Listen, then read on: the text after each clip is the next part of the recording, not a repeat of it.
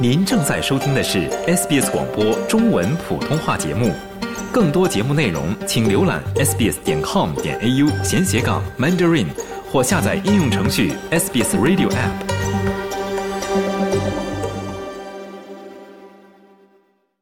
从法律角度看待社会现象，以专家意见指点生活迷津。请听现场说法。现场说法，您了解法律、咨询问题的空间。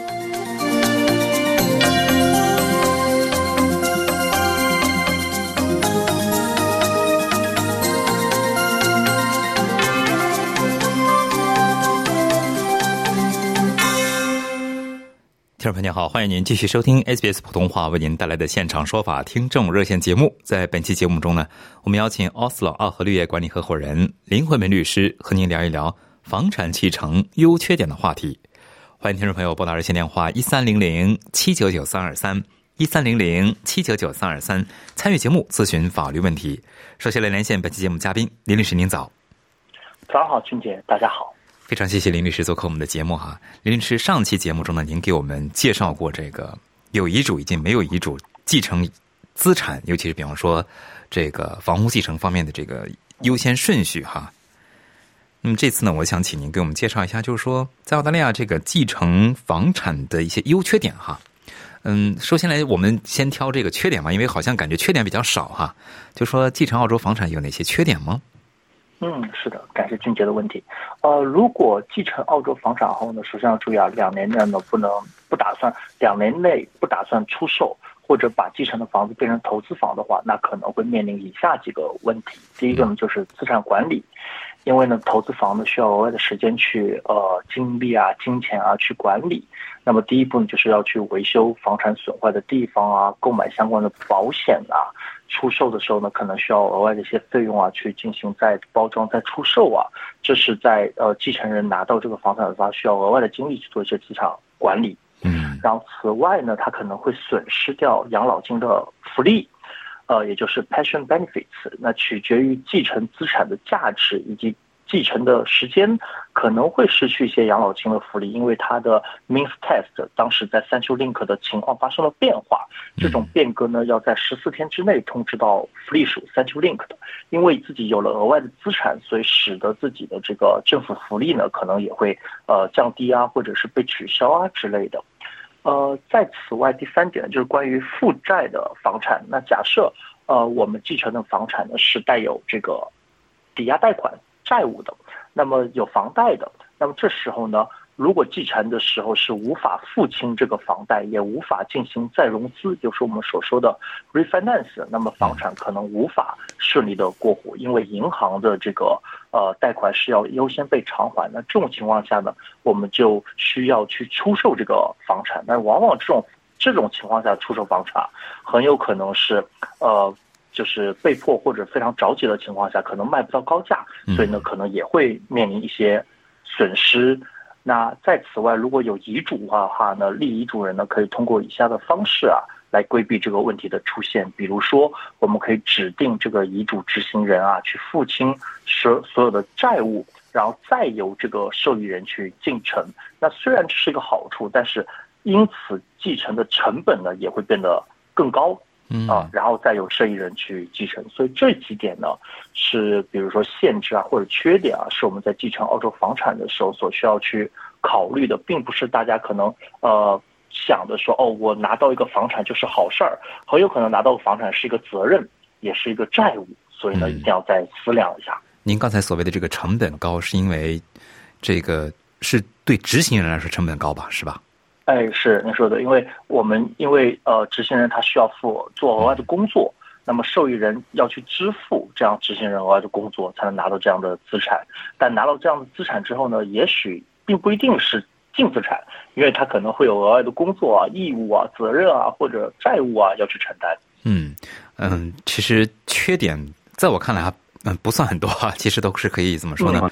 呃，很好弄的话，可以您介绍的话，可以很好处理的话，可以规避哈。您给我们聊聊什么优点吧？哎，好的，没问题。那当然，我们拿到资产应该也是呃，就是会增加自己的净资产池嘛。呃，这也是澳洲继承房产一个很大的优点。比如说，哎，我接手房子成为新的业主，因为整个房价都在上涨，所以继承房产的所承担的经济压力啊，比自己直接买房呢肯定要轻松很多。那在此外呢，呃，这也是一个新的收入来源。继承房产的如果有资金，那可以作为新的收收入。来源。此外呢，这笔租金呢，跟我们自己买房或者租金的的相关税务呢，也是一样的，并不会涉及到相关遗产税的这个问题。嗯。此外呢，还有这个资本利得税的这个豁免。如果我们在继承房产两年之内出售房产，那么很有可能是不需要去支付这个资本利得税。那么此外呢，关于这个房产的增值，因为呃，如果我们在继承房产的两年后去出售，那么我们不。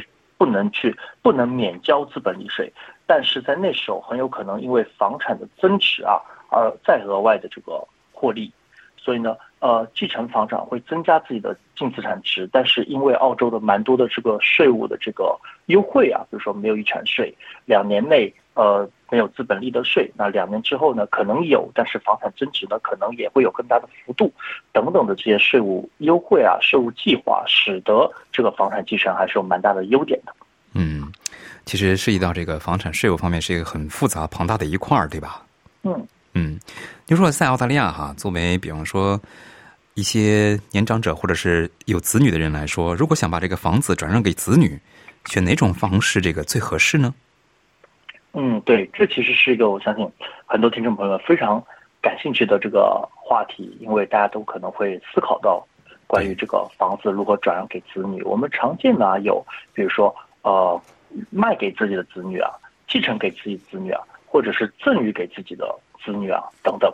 那我们来可以讨论一下，嗯，比如说子女已经获得绿卡的，但是呢，房子在长辈名下，长辈呢仍然属于外国人身份。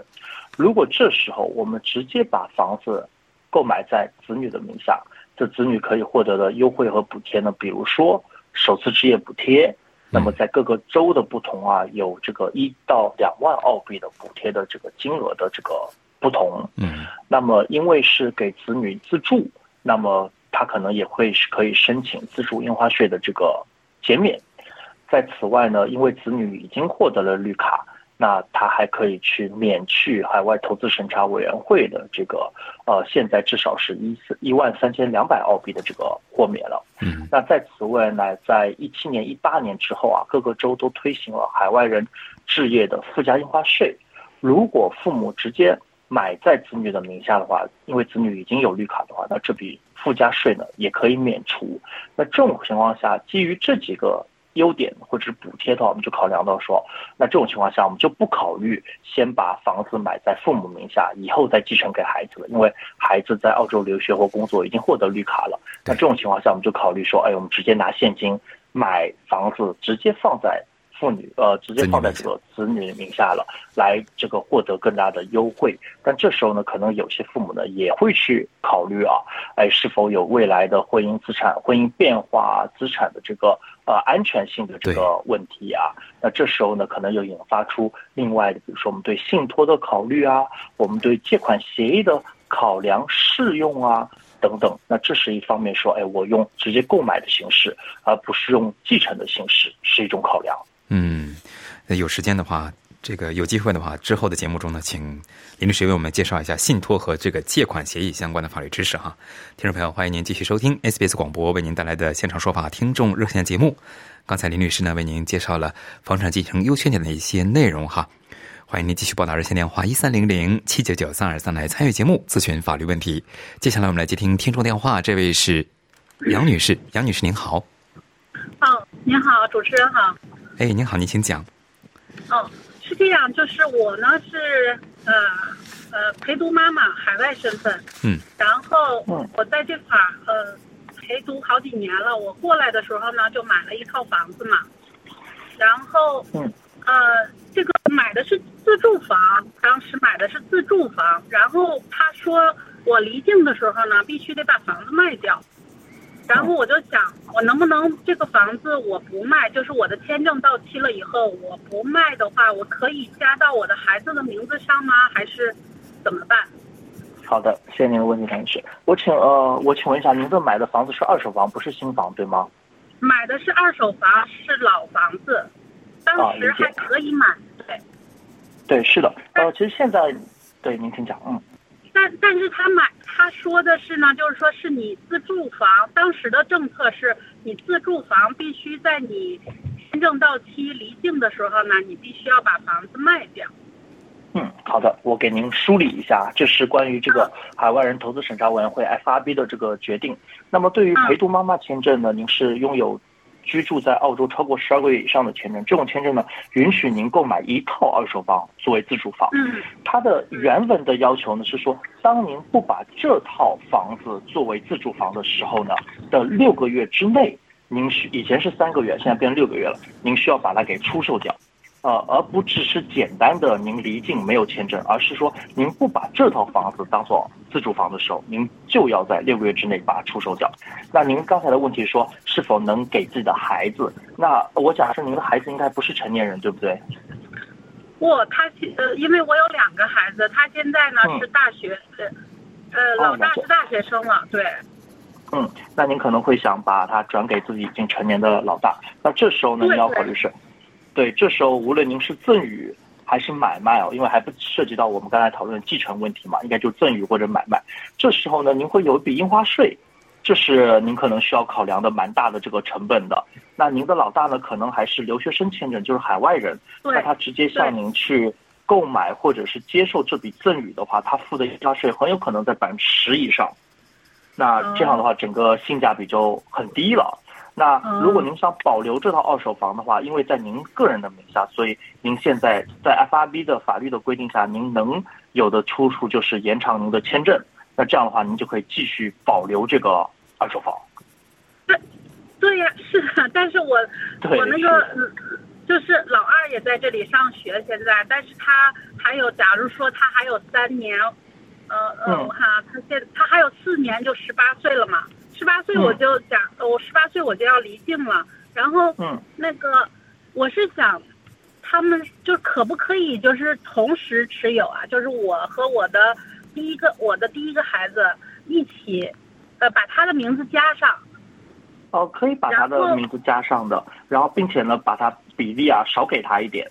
这样的话，您的税务也会降低一些，因为印花税是根据转让的比例来去呃判断的。比如说，您只转给他百分之十，那就是房价的百分之十去征收印花税。嗯，好，所以呢，这样的税务呢可能会降低一些。同时呢，您也可以考虑这个新房，因为新房是没有投资或者自住的要求的。同时啊，新房是没有说您离境之后一定要卖掉的，新房是可以您离境依然持有的。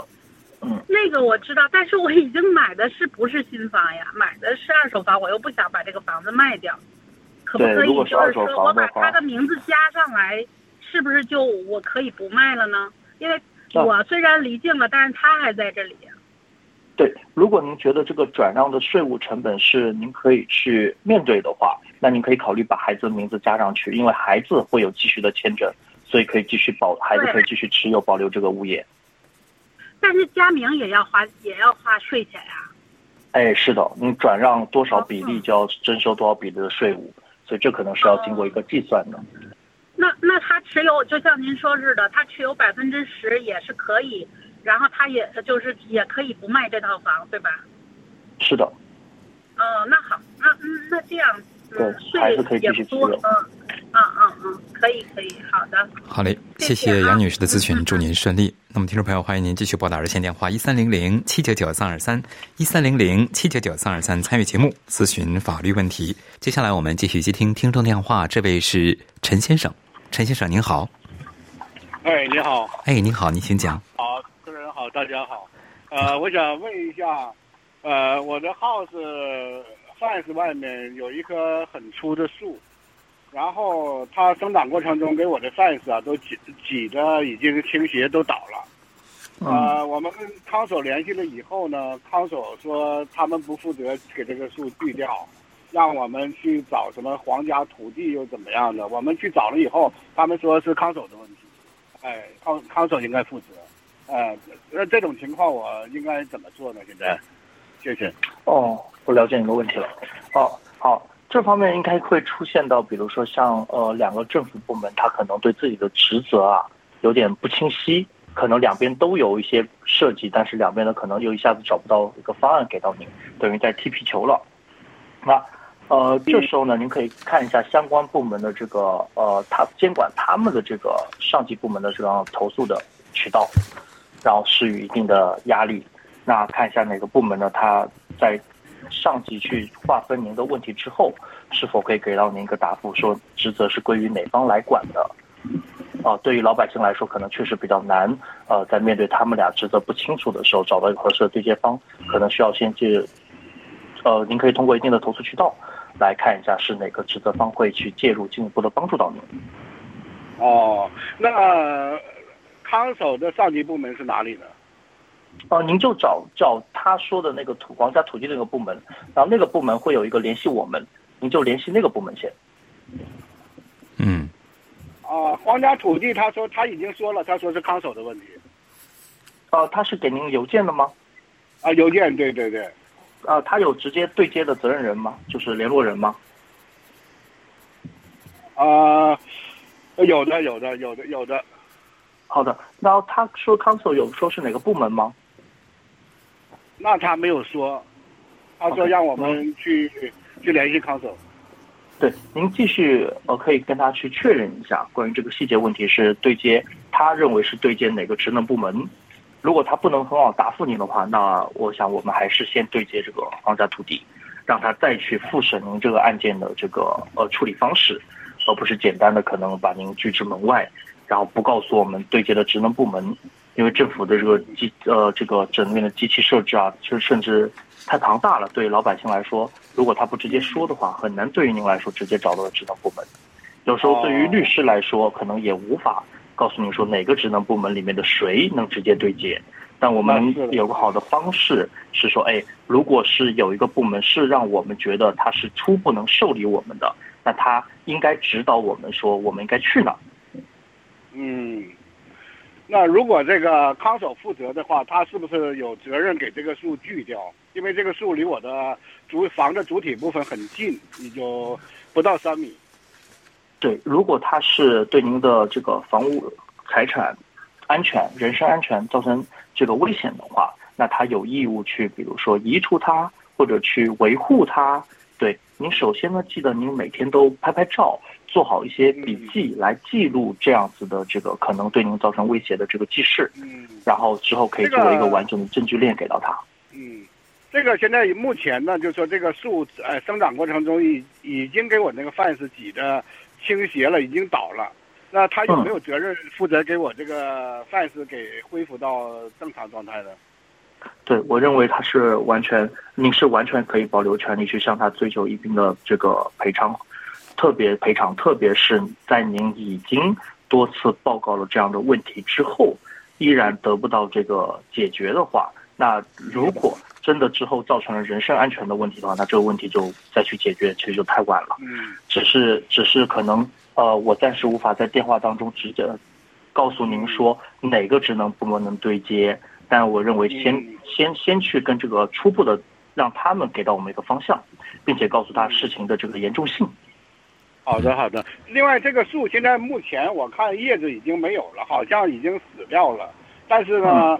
呃，我结果已经造成了，算是已经都倾斜倒了，呃，嗯，那这种情况的话，他们呃，如果树已经死了的话，他们也有义务去清清除掉，是是不是这样？哦，当然，当然，当然，因为您可以理解为这还是一些这个呃呃类似于带引号的尸体一样在那边，那其实还是会引发人的担心的，啊，但但您注意还是先沟通，对，不要自己突然自己把它砍掉啊。好的，好的，不会。嗯，好的，好嘞，非常感谢陈先生，谢谢您咨询，供您参考，祝您顺利。接下来这位听众是邓先生，邓女士，邓女士您好。哎，大家好，您好，我想咨询一下，呃，中国离婚人士来澳洲探望未来伴侣，要做那个单身公证吗？是用什么旅游签证还是探探亲呢？又不是旅游签证过来可以吗？哎，好的，谢谢您的问题。那请问一下，您在呃在中国已经拿到离婚证了是吗？对。啊，好的。这种情况下，我认为您可能申请六零零旅游签证是最简单的。不然的话，您提起说您要去探望配偶，那可能会被要求更多的这个文件。啊，六零零旅游签证是吧？是的，六零旅游签证，您是直接表达说您来看朋友啊，或者就是来做一些考察之类的就可以了。他不会。那要不要我们这边呃邀请函什么之类啊？可能会需要的。那这种情况下，其实您让一个朋友去出具就可以了，就包括您的旅行路线，呃，有没有酒店的这个预订啊，航班的预订啊，然后能证明自己会按时往返返回中国，不会有这个逗留的这个呃意图，能证明这些就可以，旅游签证会稍微简单很多。这种六零零，它是通常是批你一年多次往返，还是一次性多多少个月往返呃来回？往往会批一年或者三年，在您首次的时候，然后每次呢原则上不能超过三个月，这是比较常见的。这个可行性比较大吗？对，这个比您说您要看未来的先生，呃，可能会材料上会简易很多。哦，就是他第一次应该是一年三个月，多次往返，或者是三年，他都可以可能。对，除非您跟先生现在已经有这个结婚证了，或者打算结婚了，那您可以再去申请配偶签。不然的话，我认为您申请旅游签会最简单。哦，就是来了以后，在在这边再申请配偶签证。如果是结婚的话，是不是这样？是，你可以再考虑别的签证途径。哦，那如果他在这边结完婚以后，是不是要回去中国才等那个批准？呃，永居？会更快，还是在这边等更快？呃，呃，其实您等待时间都会有十二个月左右啊，呃，所以呢，我认为您可能待在本地的话，可能会更稳定一些。呃，待在本地就是说澳洲咯。对对对，会更稳定一些。更稳定哦，OK。那他要不要做那个单身公证过来，还是就拿那个离婚公证过来就可以了？呃。离婚证明，如果他是有前任婚姻的话，他有离婚证书就可以了。啊，不用单身公证。对，离婚判决就好。哦，OK。那如果他来了这边是旅游，能不能再去呃海外探望对方的父母，然后再返回来？有没有这种可能？可以啊，旅行签证是可以多次往返的。嗯。OK，好，谢谢你们。好嘞，谢谢邓女士，祝您顺利。听众朋友，欢迎您继续拨打热线电话一三零零七九九三二三参与节目咨询法律问题。接下来这位听众是黄女士，黄女士您好。啊啊，是我吗？哎，是您，您请讲。哎，你好，主持人好啊，大家好。你好。啊，我想咨询一些问题，关于呃呃这个继承房屋的法律问题。嗯。啊，我想问一下，呃，我我是单身啊，假如我是单身，那我没有孩子，也没有任何的亲戚。那我有一套这个呃投资房，那我现在想赠送给我的呃呃一位好朋友，啊，那我想就是呃问一问，像我是直接送给他好，还是我放在我的遗书里面，呃呃留给他好？我想知道这两个方法是哪里一个呃方法比较啊呃容易，或者是没有呃在法律上问题是比较简单，然后他的那个费用的分别，这两个的呃。的方式哪里一个比呃对我的受益人比较啊比较好？哎，好的，谢谢黄女士问。我请问一下，您这个物业有贷款吗？啊，没有，完全没有，已经完毕。OK，好的。对，然后像刚才向您描述的，您在澳洲也没有其他的亲戚和配偶，对吗？是。OK，好，这种情况下，首先您是完全可以通过遗嘱啊，去把自己的物业在未来这个百年之后去。继承给其他的这个您指定的这个人的，那如果您是用赠与的方式呢，它是会产生一定的税务的，就比如说转让的这个印花税，但是它可以做就是您可以不等到这个未来的百年之后再继承，您可以随时去赠与，包括今天或者明年或者什么时候您都可以随时去赠与，时间上您可以把控。哦，这是它的优点。它的缺点就在于您可能会产，它可能会产生一笔税务，不是您，它需要去支付受让人的这个印花税，根据房屋的这个价值。哦，这是它的优缺点。如果是继承的话，那它的缺点呢，可能就在于说，那要等到百年之后，这笔钱，这这个资产啊，这个呃，您指定的人呢，他才能去继承过去，这是它的时间的不可控性。那可能要等到之后。那它的好处呢，就在于它有些像我们刚才节目当中所讲到一些税务的优化，啊，那是它可以去享受的。所以这样的优缺点，您可以衡量一下。看在哪个时间节点是否能去呃考量这样的成本的呃情况下去接受这笔资产，对于您指定的人来说，你的意思是说，呃，他要承担那个房屋那个呃呃 stamp duty 那个呃承担的费用？对，是的。如果您赠与给他的话，可能会产生印花税。就是当当，假如我现在马上证明给他。呃，转让名字给他，他要承担。假如这个家里房房产是一个 mill，一个 mill 了，然后他就要承担那个呃一个 mill 的那个呃转让的那个 stamp duty。对，是的。呃，只是 stamp duty 还有其他费用吗？哦，还有产权登记费，但最大头的就是印花税了。印花税现在呃，假如一个 mill 的房子是要付多少呢？呃，您在哪个州呢？我能快速。在维多利亚，维多利亚。哦，在维多利亚州，然后这是个二手房，OK，差不多是在五万左右，五万左右的那个 stamp duty，OK，那就没有其他的。假如我把它呃作为一个呃呃呃在我的 view 里面，在我的遗嘱里面，那他就就免了这个费用。呃，他可能能免这个费用啊，然后呢，他可能还能免之后的资本利得税。啊，你是说两年？刚才你说就是两年之后，假如可以转卖是吗？对的，是的，两年内是两年，两年之前他不可以转卖，他只能够自租，他也不能够投资。假如两年，我假如我一天我我嗯我去世了，我的他他他继承了我的房子，两年之内他不能够卖，他只能够自租是吗？对的，如果两年内呃如果两年内出售，那么很有可能不需要交资本利得税。如果两年后出售的话，那他需要交资本利得税。哦，就是他的那个呃呃分别。然后呢，他可以呃，他可以拿来做投资吗？哦，当然，当然。当然，是吗？OK，好，就是说呃，他的分别是，然后呃呃，就是说，假如是说在省钱那方面，就是在呃大概余数里面是最好的。对，您可能就是在时间。跟经济上面这两个做个衡量，一个可以您比较灵活的在经时间上，一个可能成本高一些。OK，好，这个我明白了。那我可以问第二个问题吗？关于那个呃，Super Super 啊，呃，我有一个朋友他去世了，他没有遗嘱，他没有遗嘱，他的 Super 留给了他的弟弟，可是他弟弟在海外。啊，我我想知道呃，为什么他他曾经去咨询过法律，他说他。他其实他不能够继承他姐姐的那个 super，因为他在海外，有这个有这样的道理吗？呃，这个问题我可能要看一下他拒绝的原因是什么。呃，一般 super 也是可以继承的。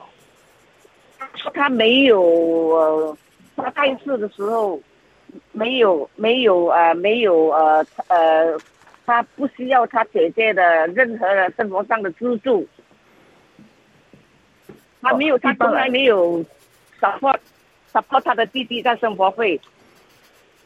对，原则上来说啊，super 也是继承的这个资产的一部分啊。但您刚才说他可能受到了一些阻碍或拒绝，那可能要看一下这拒绝的原因是什么，可能能给您做下一步分析。嗯，啊，这样原因吗？嗯，对，其实是可以的。假如他他可以继承他的那个呃呃 super 的，在因因为他在国外是吗？这可能是一个原因，可能在程序性上有一些手续或者阻碍。OK，OK，嗯嗯，是阻碍，是一些所问题上阻碍。其实，在法律上是可以的，在海外的弟兄姐妹可以可以呃接受呃呃呃我们澳洲的家里人的 super 是吗？对，但他可能对支出啊取出时会有些条件的限制，可以再询问确认一下。嗯嗯嗯，OK，好，好嘞，谢谢黄女士咨询，祝您顺利。那么，听众朋友，与时间关系，今天节目就不得不和您说再见了。现场有听众还有在等候，不过没关系，下周二同一时间，欢迎您拨打这个电话来现场咨询法律问题。非常感谢林慧梅律师做客今天的现场说法听众热线节目。因个人情况因人而异，法律问题复杂，本节目仅供一般性参考，并无意提供任何个案法律建议。具体法律纠纷，请您咨询专业的律师。想听到更多这样的故事吗？您可以通过苹果播客、谷歌播客、Spotify，或者您喜爱的方式下载收听。